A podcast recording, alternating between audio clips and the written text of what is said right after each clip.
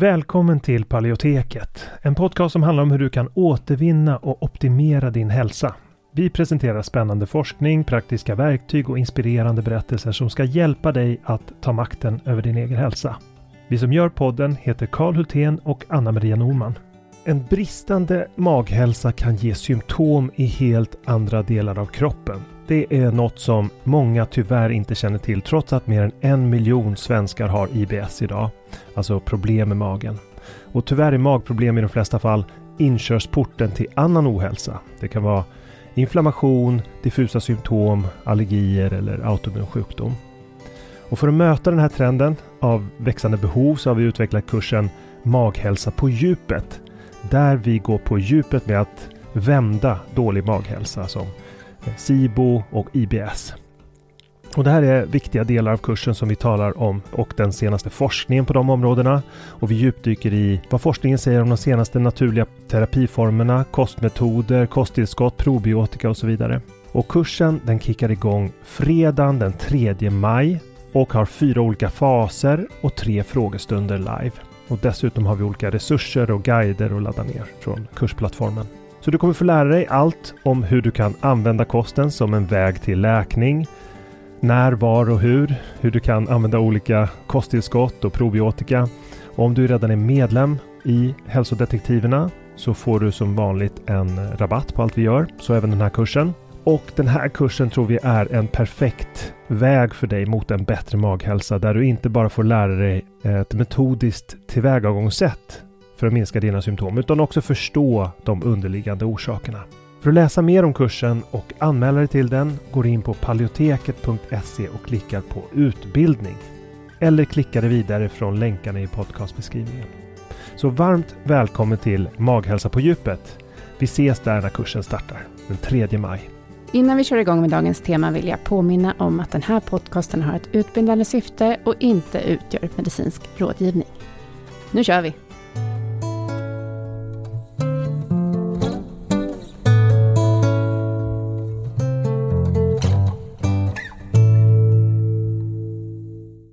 Men idag är det jag som har intervjuat gästen som heter Anastasia Lundqvist.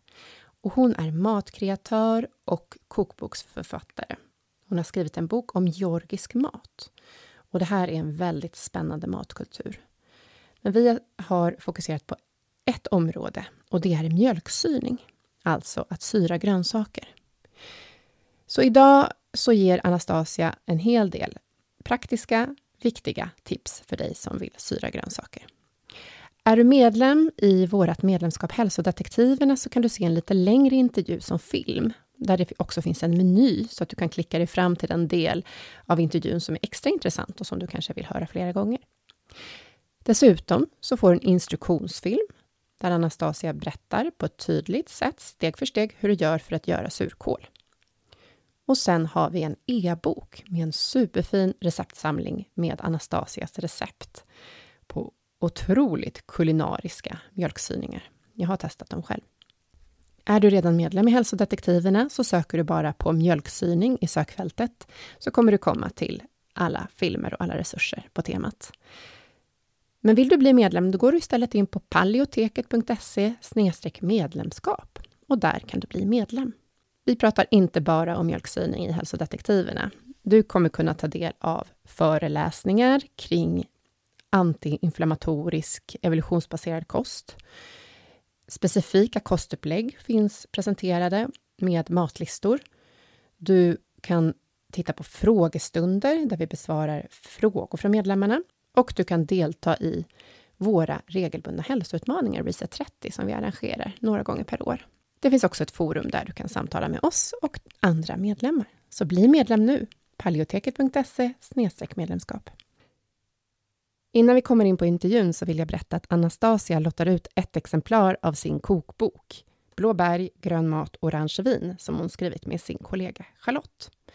Och du ska göra två saker för att vara med i utlottningen. Du ska besvara en fråga under det inlägg på Instagram eller Facebook, alltså Paleotekets Instagram eller Facebook, eh, som handlar om det här podcastavsnittet.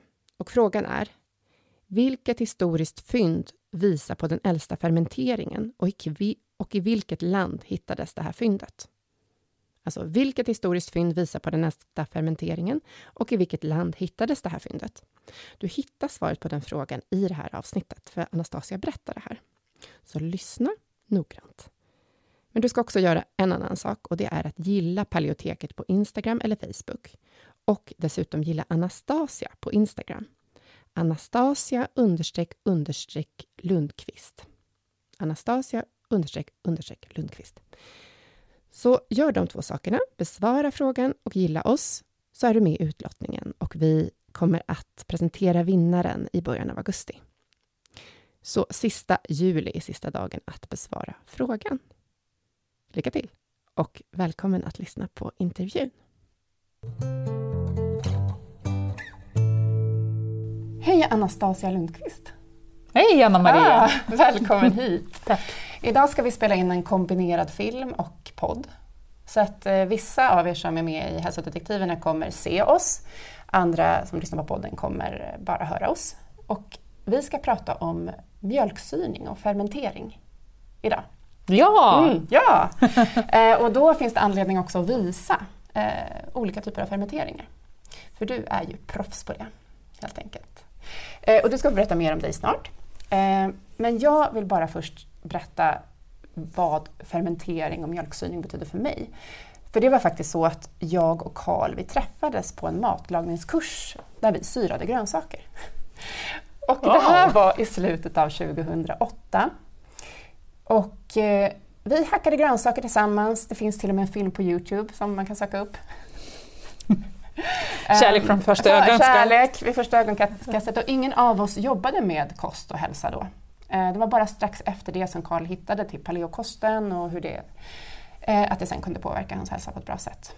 Men eh, jag jobbade med helt andra saker. Jag jobbade med Östeuropa inom biståndsprojekt. Och några år tidigare så lärde jag känna dig. För vi var engagerade i en studentorganisation och gjorde en resa till Moskva tillsammans. Då fick jag testa lite olika syrade grönsaker från Östeuropa. Med lite vodka. Med lite vodka fick man också. Obligatoriskt. Obligatoriskt, exakt. Och mm. sen gjorde jag en resa till Ukraina precis mm. därefter. Från Moskva flög jag till Kiev eh, och gjorde min uppsats i statsvetenskap där. Under några månader så var jag där och intervjuade studenter som har varit engagerade i orange revolutionen. Och det var väldigt mycket framåtanda och nu är det lite annorlunda i Ukraina och därför mm. känns det också lite extra fint att få prata om de positiva sakerna i liksom den östeuropeiska matkulturen som vi ska få möjlighet att prata om idag. Men du har ju också, precis som jag, skrivit en bok. Du mm. har skrivit en bok som är jättefin, som heter Blåbär, grönmat och orange vin. Vill du mm. berätta lite hur du har kommit in på det här med mat? Berätta lite om dig, hur du har kommit in på intresse för mat och mm. fermentering. Mm. Eh, ja, jag, i boken så eh, inleder jag med att eh, när jag var ett år gammal, eller sex månader till och med, så tog jag en fermenterad tomat, så höll jag med två händer, min mamma försökte ta, ta ut det här, för hon hon trodde att det var kanske farligt för ett sex månaders bebis att äta fermenterad tomat. Men jag bara sög mig in i tomaten och vägrade släppa. Och min sambo säger att det är kanske därför du har så bra hälsa, att du äter, äter så mycket fermenterat. Ja, eh, det började inte med tre månaders, att jag började tänka på boken, eller sex månaders, eh, utan eh, ungefär för tio år sedan så upptäckte jag att eh, ja, den positiva kraften med, med maten och jag ville förmedla det här med jag ville förmedla olika matkulturer. Eh, jag jobbade mycket med peruansk matlagning, också östeuropeiskt, georgiskt. Eh, och ja, jag jobbade som, som du och jobbar fortfarande med biståndsprojekt med stora, långa processer, förändringar tar lång tid. Med mat och matlagning, det blir väldigt mycket positivitet, man ser också resultatet ganska snabbt. Och eh, när det gäller fermentering så är det också någonting som jag inte bara åt, jag gjorde det, eh, började göra när jag var kanske åtta år gammal eh, syra kål, då, då, då, kom verkligen en lass med grönsaker hem till oss och vi gjorde så stora vintunnor med kål, gurka, tomat. Eh, så, eh, och det är någonting som jag fortsatte att göra i vuxen ålder när jag kom till Sverige. göra, göra små burkar och så, bara för att jag saknade den här smaken. Mm.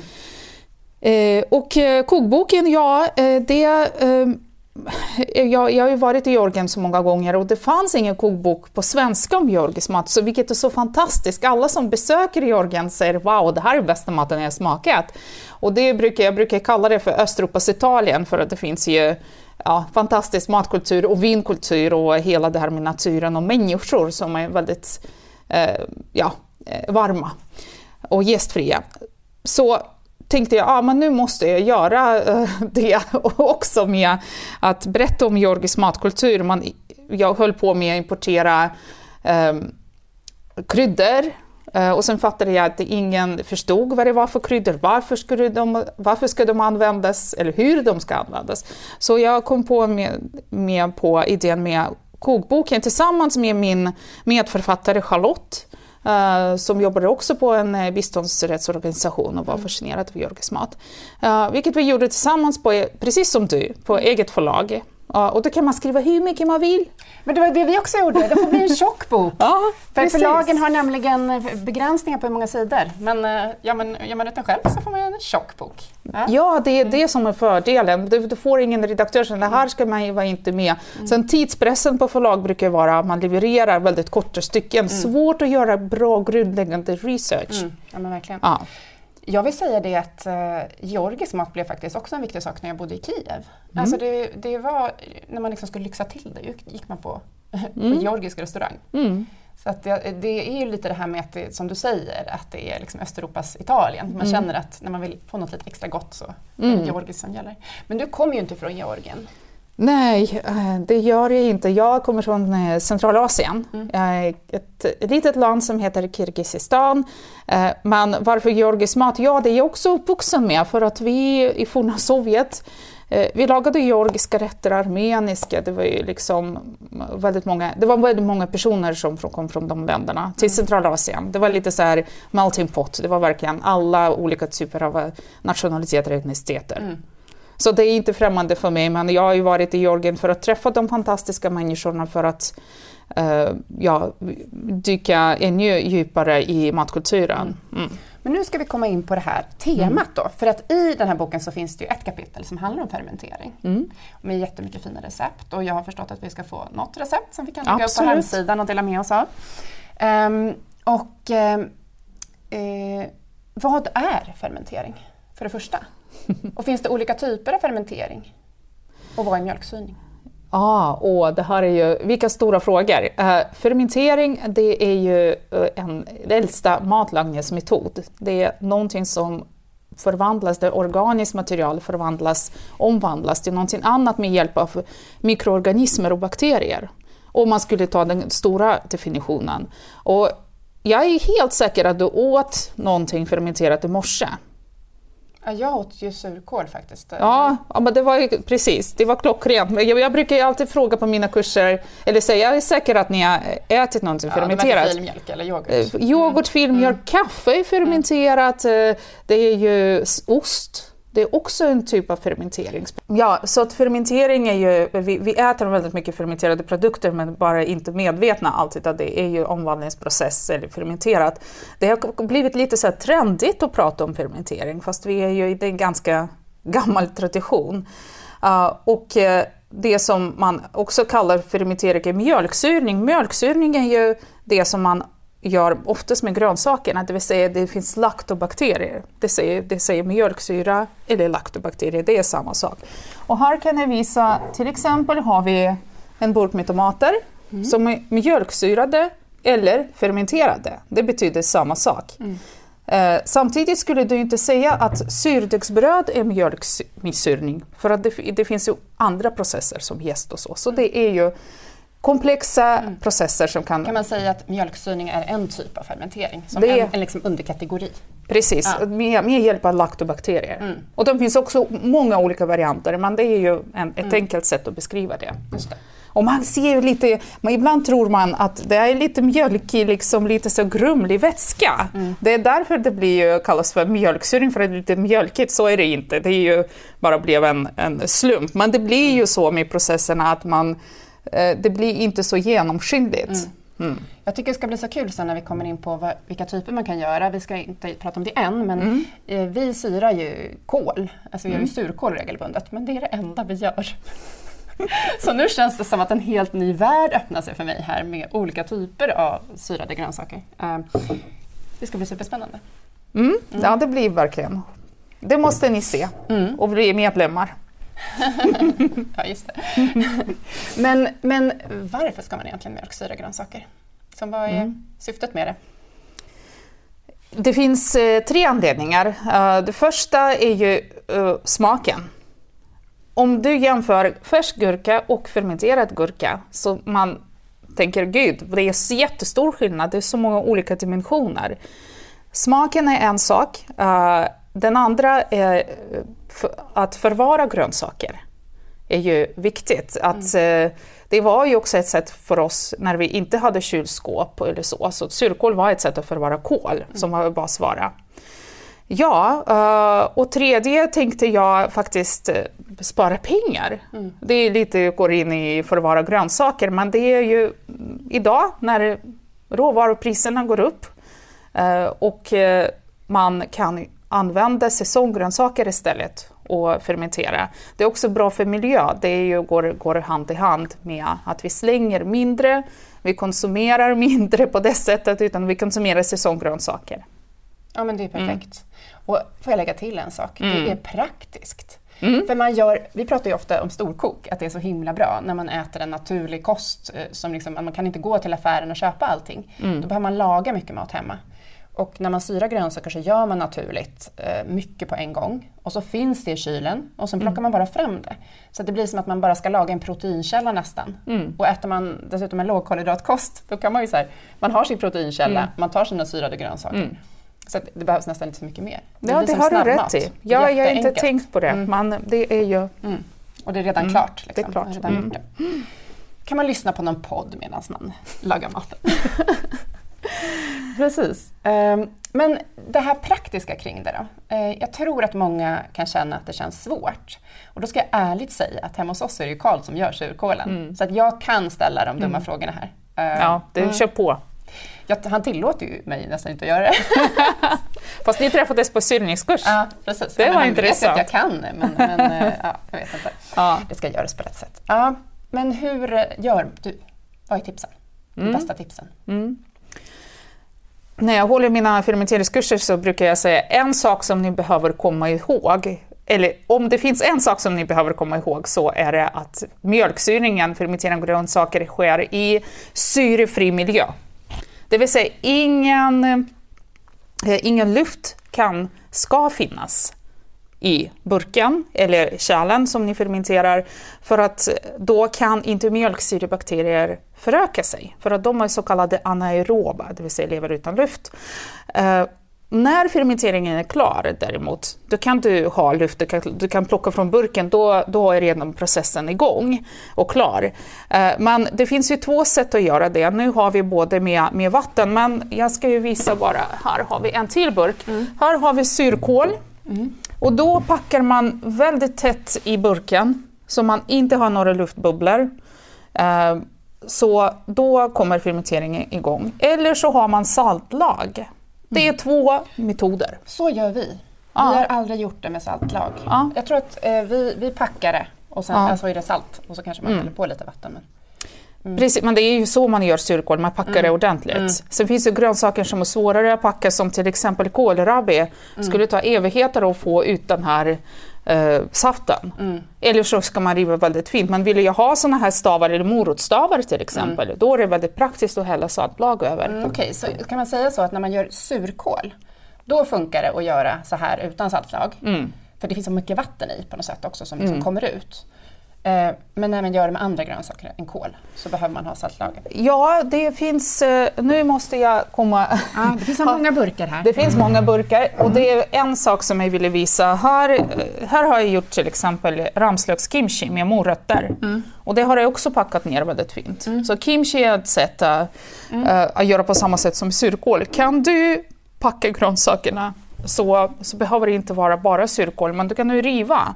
Du kan riva fänkål, Uh, ja, det finns mängder. Men jag tror att de här två, två sätten är bra att använda. Sen dessutom det här uh, spadet, mm. den brukar jag servera mm. till, eh, till, som aptitretare ibland till Jaha. mina gäster. Och så ibland brukar jag blanda spad från olika fermenteringar så det blir så här syrligt, det blir mycket smak och det blir så bara så här. det igång matsmältningen lite? Ja, det gör det. Och sen dagen Får jag efter... flytta dig lite närmre? Så att du och, sen, och, och sen dagen efter mm kyran, brukar man säga. Jaha. Då dricker man. Det, det, det håller ni inte på kanske med. men eh, det här är jättebra. Om man har druckit alkohol menar du, så ja. dagen efter så ska man ta det där för Precis, att eh, återställare. Ja, men det är väl en bra tips. Mm. Ja, verkligen. Mm. Uh, ja, men jättefint. Um, men det här med saltlag då, om vi tar dem, det mm. alternativet. Um, hur gör man en saltlag? Mm. Vad är saltlag för någonting? Det är bara vatten och salt. Mm. Det, är, det är det magiska med fermentering. Du, behöver, du kan ju såklart krydda, men saltlag brukar jag ha ungefär 2% salt. Det vill säga 20 gram per kilo, eller en liter vatten kan man förenkla det. Och det är ungefär två matskedar salt. Saltlag är jätteviktigt att göra, eller saltet ska vara utan jod. Eh, för att det sägs att jod, eh, den hämmar mjölksyrebakterier. Jag har gjort med salt med jod också. Det är ju eh, det är ganska marginella skillnader. Men om, om du nu börjar använda salt utan jod, och det finns ju jod, jod, jod, jodfritt mm. salt eh, överallt. Man kan använda Himalaya-salt också, det går jättefint. Mm.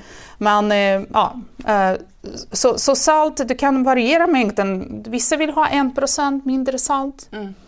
Vissa vill ha mer, 2,5 procent. Vissa grönsaker som till exempel ramslök, mm. den doftar så mycket. Så där brukar jag använda 4 procent salt. Ja, för jag tänkte så här, vad är gränsen? Vad är maxgränsen? Tänkte jag lite. Ja, eh, man brukar säga att 10 procent är ju procent salt är ju ungefär gränsen där mjölksyrebakterierna fortfarande kan trivas mm. och, och föröka sig. Mm. Sen blir det bara saltning. Ja, det blir inte fermentering Nej, på det sättet. Sen kan du fermentera helt utan salt. Du skulle mm. kunna bara hälla i vatten på grönsakerna. Mm. Eh, men det som salt gör, den håller lite så här eh, strukturen, det vill säga pektinet i grönsakerna, så de blir ju krispiga. Uh, fermentering utan salt blir lite för, för mjuk för mig. Mm. Men det finns de som kanske inte kan äta så mycket salt, som de gör helt saltfria fermenteringar. Mm.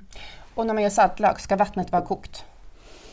Jag brukar inte göra det.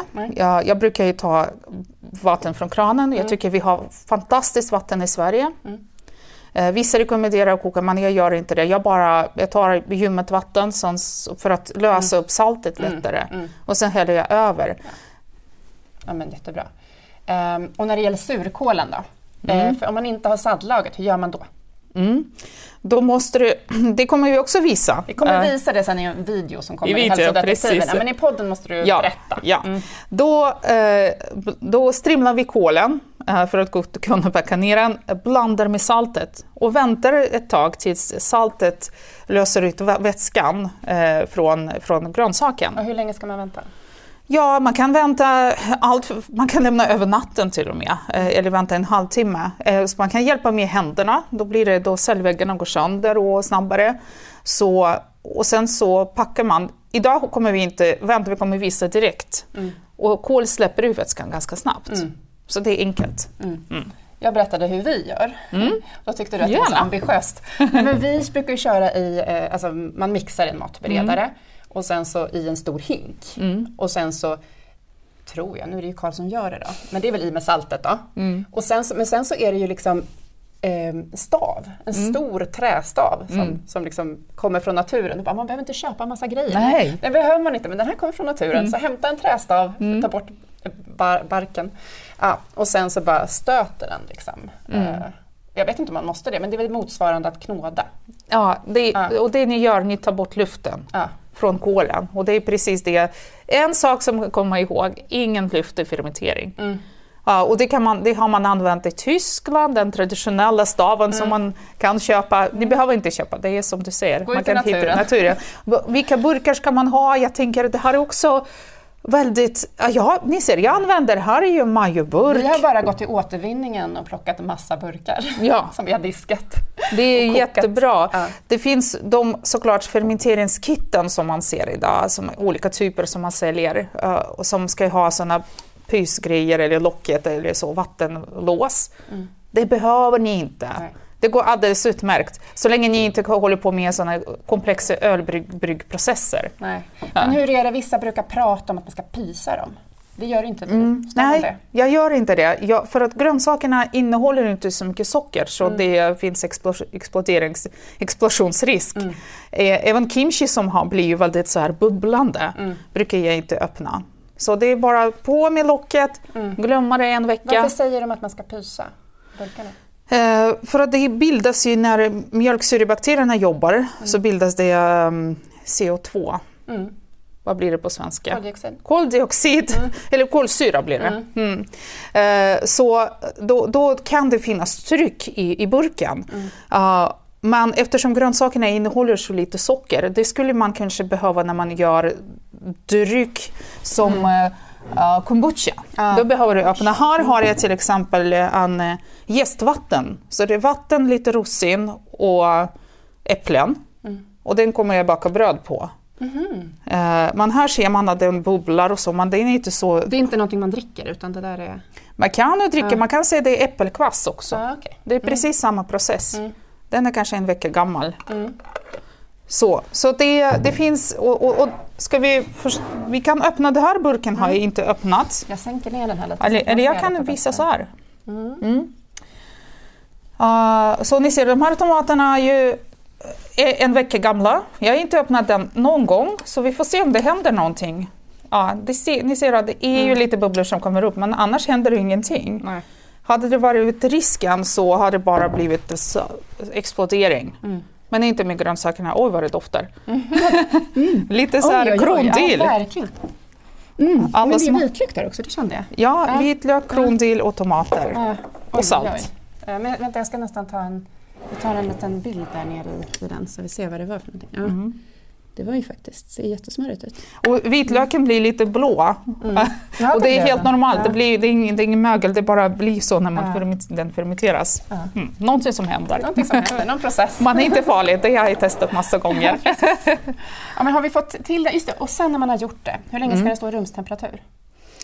Eller hur brukar du ställa dem när, de är, när du har gjort klart burkarna? Eh, ja, jag brukar ställa dem mörkt, det vill säga inte i direkt solljus. Ljus. Det kan ju stå, eh, behöver inte stå i någon slags mörkt skåp utan att solen inte kommer in, annars kan det bli jättemycket värme. Och den dödar mjölksyrebakterier, de kan inte överleva över 40 grader. Men, eh, och sen så rumstemperatur all, mellan kanske 19 och 26, 27 grader är okej i tre dagar. Uh, det här fermenteringen gjorde jag faktiskt i söndags och nu, eller i lördags. Det har börjat komma igång med rädisor. Man ser ju förändringen i färgen. Men jag tror jag skulle behöva kanske ett par dagar till. Så allt från tre dagar minst till två veckor. Mm.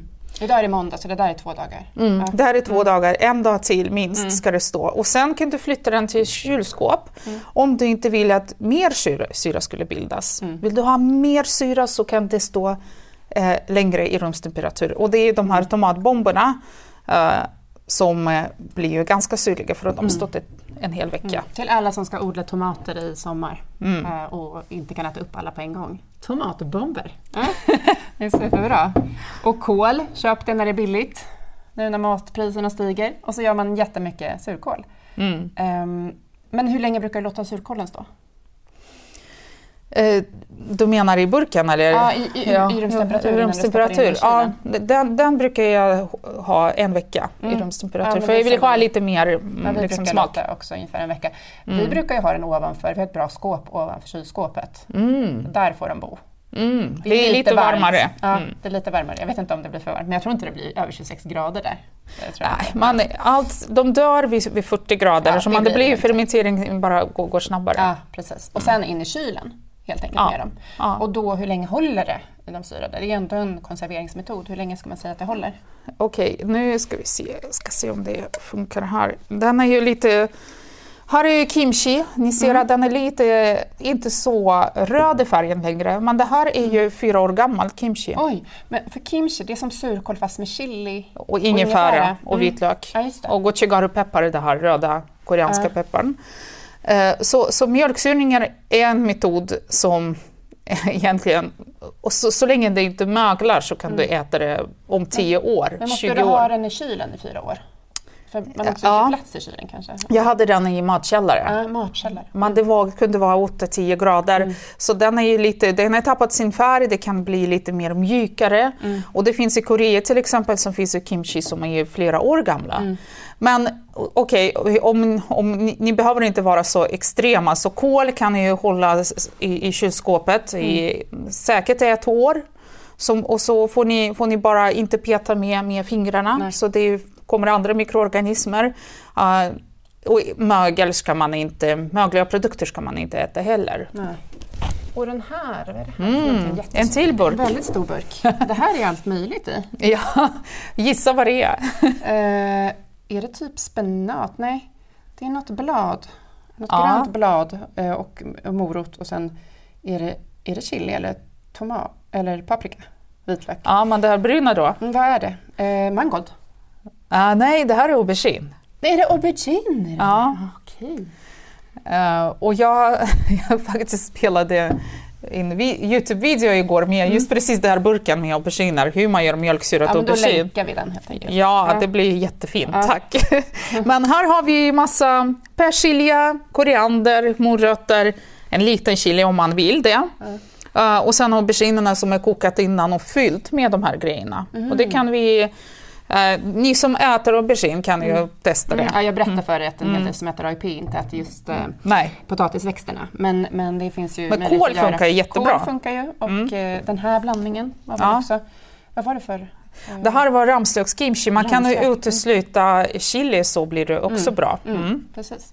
Ja, det går att göra det. Egentligen med alla grönsaker som man, Exakt. Mm. Det är det som jag Ja. också, jag, jag, jag brukar säga så här, har du trötta grönsaker i kylskåpet, lite så här morötter som, okej, ja, de är lite vissna i så, så eh, skala, eh, lägg till och med hela och häll på saltlaget, saltlag, så blir det fantastiskt om en vecka. Mm. Tack mikroorganismerna och organismerna att ni gör så fantastiskt Ja. jobb. Verkligen. Och sen Och- har man liksom det här i kylen och man kan ta fram den när som helst. Som ett jättebra Ja. tillbehör. Precis, Mm. exakt. Man, man brukar säga också att de, eh, eh, mjölksyrningen också av grönsaker, dess, förutom probiotika som många pratar om, Mm. De probiotiska bakterier tyvärr kan ju många dö i, i, i magsyra, men det som finns här är ju organiska syror, det finns mycket prebiotika. Mm. Och det är det som våra, det, det kan ni berätta med Kalle om prebiotika och allt sånt. Det behöver jag inte säga. Men just att eh, mjölksyrebakterier, de gör jobbet eh, åt oss, att de är ju pre-digestion säger man också, att de är ju, hjälper oss att bryta kolhydrater och, ja, och, och få ut näringsämnen Mm. från grönsakerna. Och det, det, vi har ett poddavsnitt som handlar om just eh, Lactobacillus plantarum som Mm. är det som främst blir i surkål. Eh, Så jag kollar upp vilket avsnitt det är, det kommer jag inte Mm. ihåg för rak arm. Det kanske Men- kan du länka också? Ja, men jag kan länka det också, Ja. för det handlar ju om hur det påverkar. Det påverkar ju både tarmslemhinnan, att liksom Mm. man kan läka, hjälpa till att läka tarmslemhinnan. Och sen påverkar det ju att inte liksom, fel bakterier ska ta över i tunntarmen. Mm. Men sen är det ju många, man bara kommer in på det, att de som är känsliga för, mot prebiotika, de som har mycket magproblem kan vara känsliga för Mm. Eh, Fibrer. surkål. Mm. Ja, och, och då kan det vara enklare att börja med eh, kosttillskotten.